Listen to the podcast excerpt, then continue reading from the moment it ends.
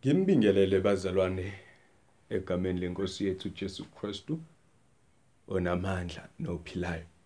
Lwesithathu namhlanje siyambonga uNkulunkulu eh ukuthi sizophinda futhi nanamuhla sizwe izilakhe ake sikhuleke.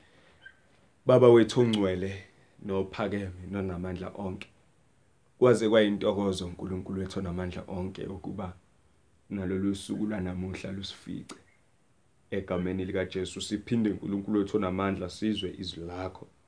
Baba wethu onamandla onke siyanxusa egameni lika Jesu ukuthi mawukhulume ngalo kithina ebese kusiyami siyasinda uko konke egameni lika Jesu okusikhathazile nokuhlukumezile nokushayayo. Ebese nkosiyami siyaphulukiswa. Ebese nkosiyami siba ngabakhululekileyo. Nkosi uJesu egameni lika Jesu Kristu waseNazaretha. Siza kuwe njengebandla lakho. Sifisa ukuthamela silalele sizwe ukukhuluma kwakho. Sizwe ngusenamandla onke ngamandla akho nangobukhulu bakho nangegunya onalo. Cacisa umyalezo wezilakho nakuthina namuhla. Ebese Nkosi yami siba ngabavuselelekile. Egameni lika Jesu siyakucela lokhu. Amen. Namhlanje ke bangcwele isifundo sethu sise ncwadini ngokuka Mark Mark chapter 1 verse 40 to 45. Ngokuka Mark chapter 1 verse 40 to 45. La kufundeka khona kanje Kwafika kuye onochoko wamncenga eguqa ngamadolo ethi kuye Uma uthanda ungangihlambulula. uJesu wamhawukela walula isandla wamphatha wathi kuye Ngiyathanda hlambuluka. Lwasuka masinyane uchoko kuye wahlambuluka. Esemyalisisile washeshe wamukisa wathi kuye Bheka ungasho lutho kumuntu kepha hamba uzibonakalise kumpristi unikele ngokuhlanjululwa kwakho lokho okwayalelwa nguMose kube ngubufakazi kubo.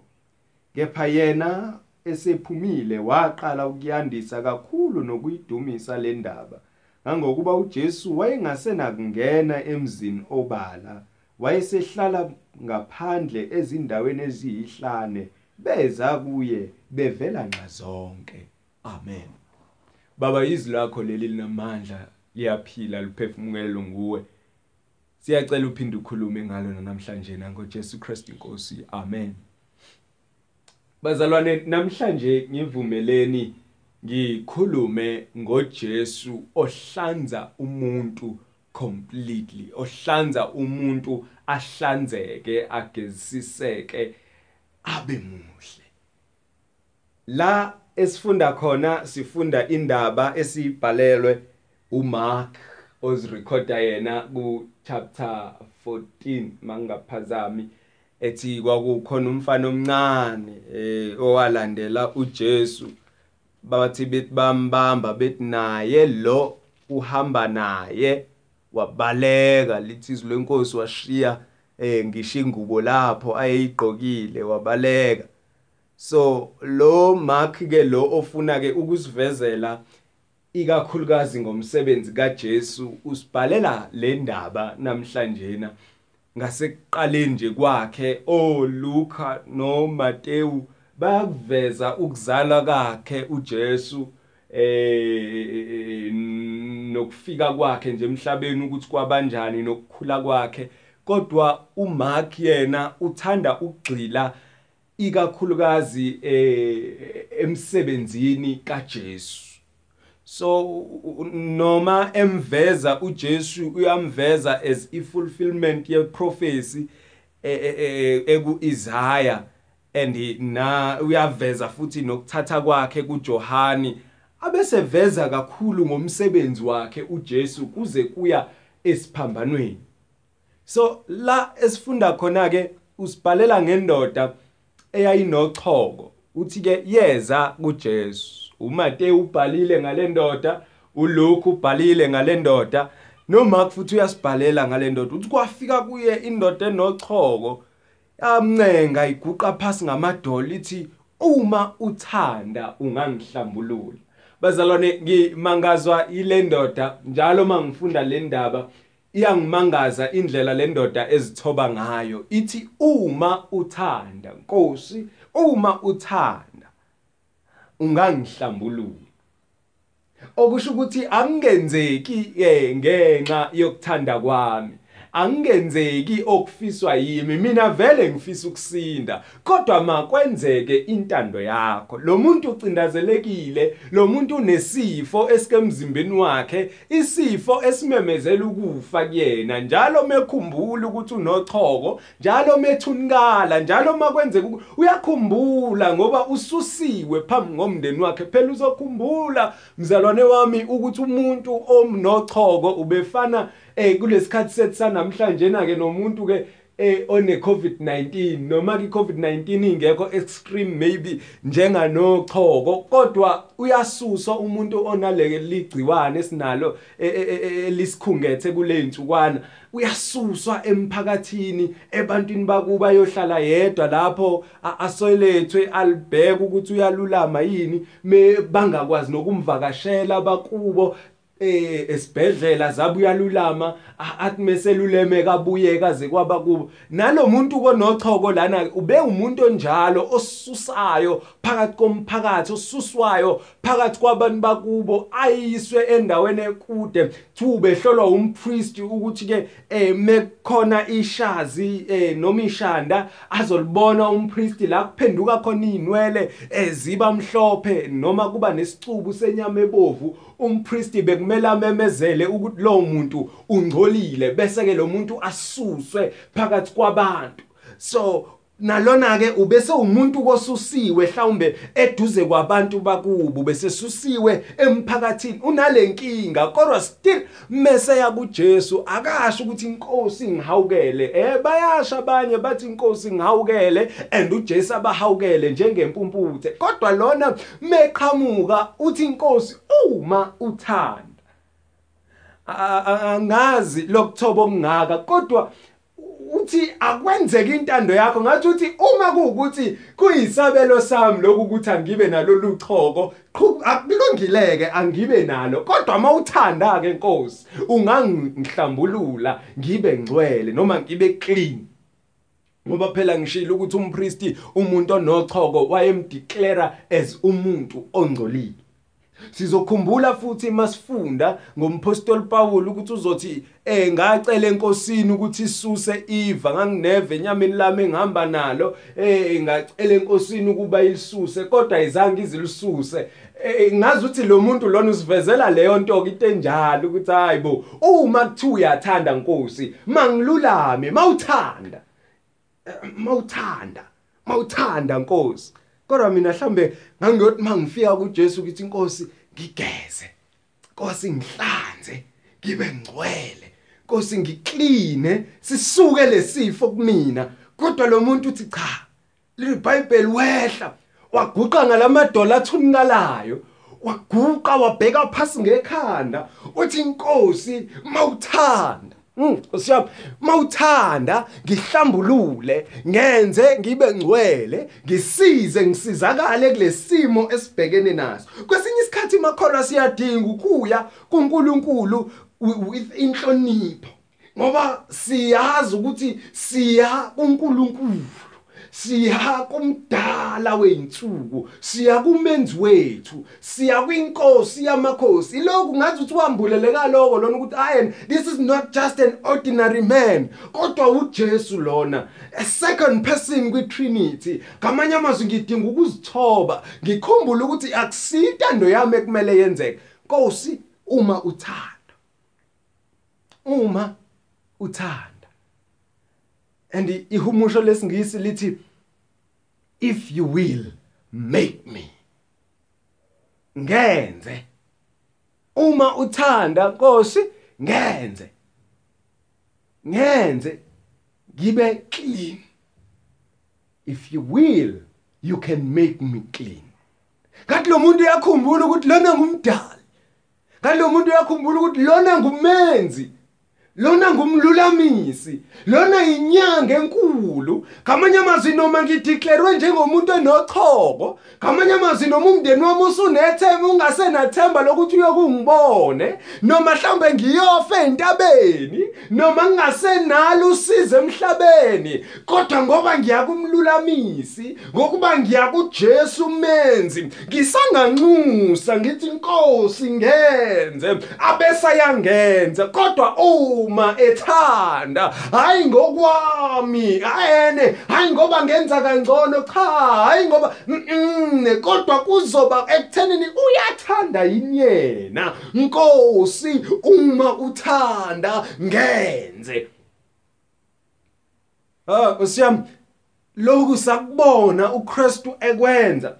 Kwaba sekuthandeni kwakhe ekuthenini azofa endaweni yethu. Kwaba sothandweni lakhe ukuthi afe athwale isihlazo lethu ukuba thathe bonke ububi bethu zibalelwe kuye zonke iphambeko zethu ukuze thina senziwa abangcwele. And uyakuveza ke lokho engakwakwenzi ngokuthi abambe lona onochoko khumbula ukuthi ubecoshwa eisolate ebekwa yedwa kuthi ungcolile. Naye bekumele ukuthi maqhamuka umuntu eduze kwakhe akhamluke ngezwe eliphezulu athi ngingcolile ngingcolile ungahlangani nami. Uma uhamba indlela eyangakuye bekumele amemezele bekumele kube kuyena ukuthi utshela lozohlangana naye ukuthi mina i am unclean ngingcolile ngakho ungahlangani nami. Kodwa mehlangana noJesu Yesu uzwakala eshintsha ithoni uzwakala eshintsha ukumemeza kwakhe.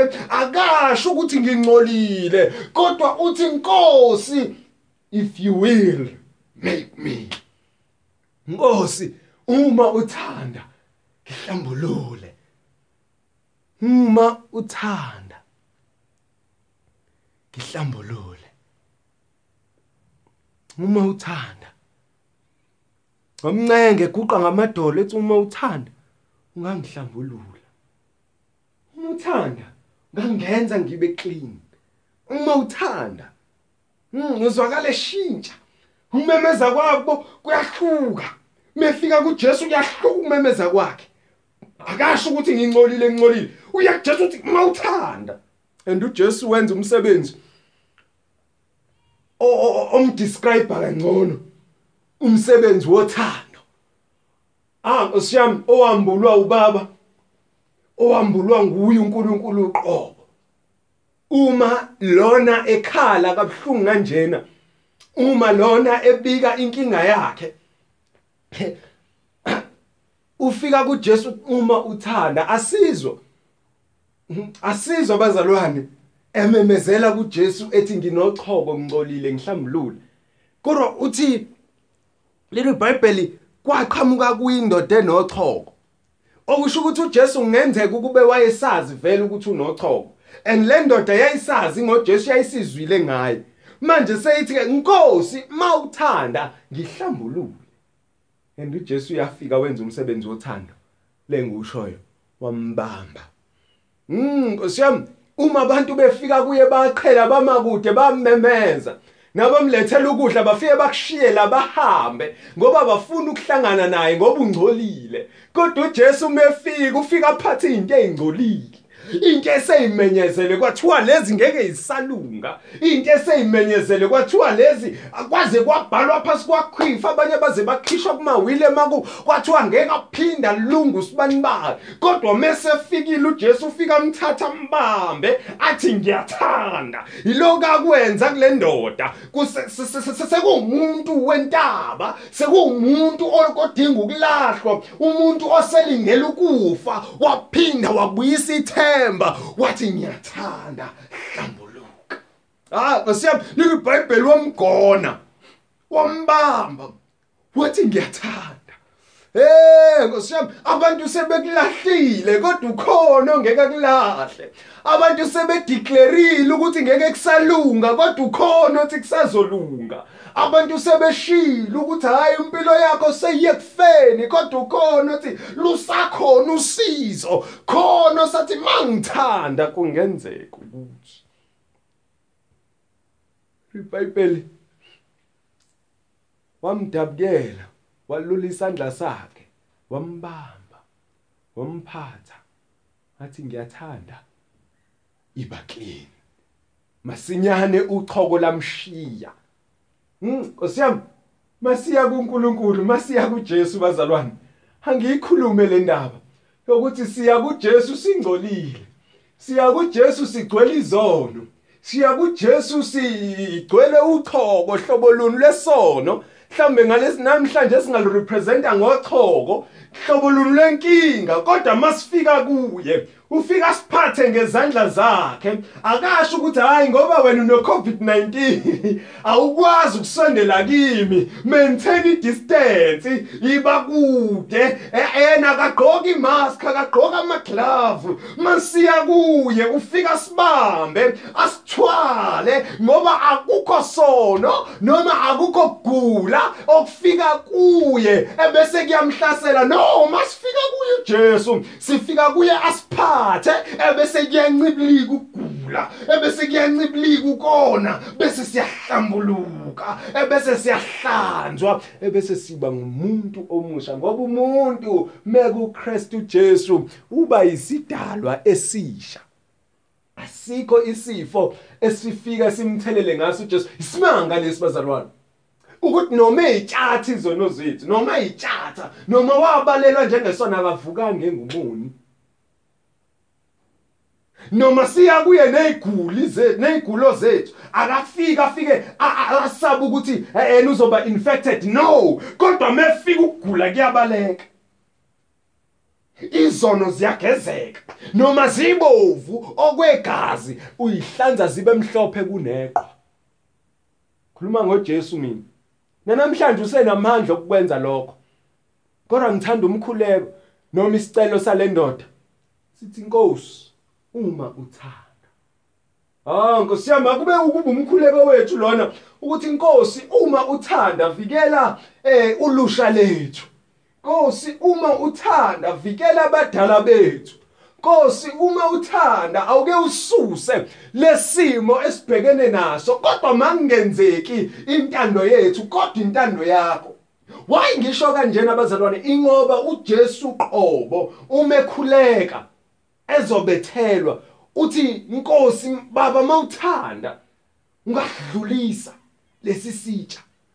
Hmm? makube intando yakho ukuba dlule lesi sitsha. Ngingaphuzi kulesitsha ngamanye amazwi noma sikhuleka sinikiwe igunya lokukhuleka uNkulunkulu kodwa sikhuleka ngenhlonipho sikhuleka ngokuzithoba sikhuleka ngesizotha. Nkosi uma uthanda ubungavikela yini imindeni yethu? Nkosi mawuthanda ubungephatha yini isizwe sethu? Nkosi mawuthanda ubungevikela yini amakholwa? Nkosi mawuthanda ubungevikela yini ukukholo lethu amabandla ethu eh inkolo yethu ubunique benkolo yethu? Nkosi mawuthanda. iBhayibheli wafika kuye wamphatha. Wathi ngiyathanda. Masinyane uchoko lwaphela. Ngabe sethi ungatshela umuntu hamba uyozibonakalisa kumpriest mawufunda encwadini kaLeviticus uzothola ukuthi kwakunomnikele kwakumele bawenza abahlanziwe echokweni bahambe bayobonga ukuze kube ubufakazi bokuthi uhlanziwe. Hawu ngosiyami nathi ake sikhombise ubufakazi phela bokuthi sihlanziwe ezonweni. Ake sikhombise ubufakazi phela bokuthi sangenwa uKristu wasihlanza wasiphatha sinomongcwele manje ngokuthi sihambe siyofakaza. Thina ke ethi indaba ithi ungathuli mawususuzwile. Nalendoda yahluleka ukuthula landa igama kwaze kwangangokuba uJesu akasakwazi ukungena emzaneni eh usekwazi ukuhlala ngaphandle kodwa abantu bafikelela kuye kunjalo. Ngamanye amazwi asambe siyofakaza ukuthi ukhona lo wangisindisa ngiyisidakwa ukhona lo wangisindiswa ngiyihlongandlebe ukhona lo wangisindiswa abantu sebengixoshile ukhona lo wangisindisa impilo yami ebushena ngik-experienceanga obubi ukhona lo wangisindisayo ngiyamazi engumhlengi ngiyamazi engumhlengi. Lapho ehleli khona kunenjabulo khona lo nginikeza injabulo ecicimayo khona lo nginikeza intokozo khona lo ngathola intokozo lese esandleni sakhe ngathola ukuthula ngathola ukuphumula. Inkosi mayinibusise ntambama nje manibusiseke bazalwane nihambe nofakaza hambe niyoveza izithelo zokuthi ningabakhululekileyo ngoba uKristu wanikhulula ngoba uKristu usenenze naba ngabangcono Nkosi. Uma uthanda ngihlambulule. Mawusuhlambulukileke hamba uyotshela abanye.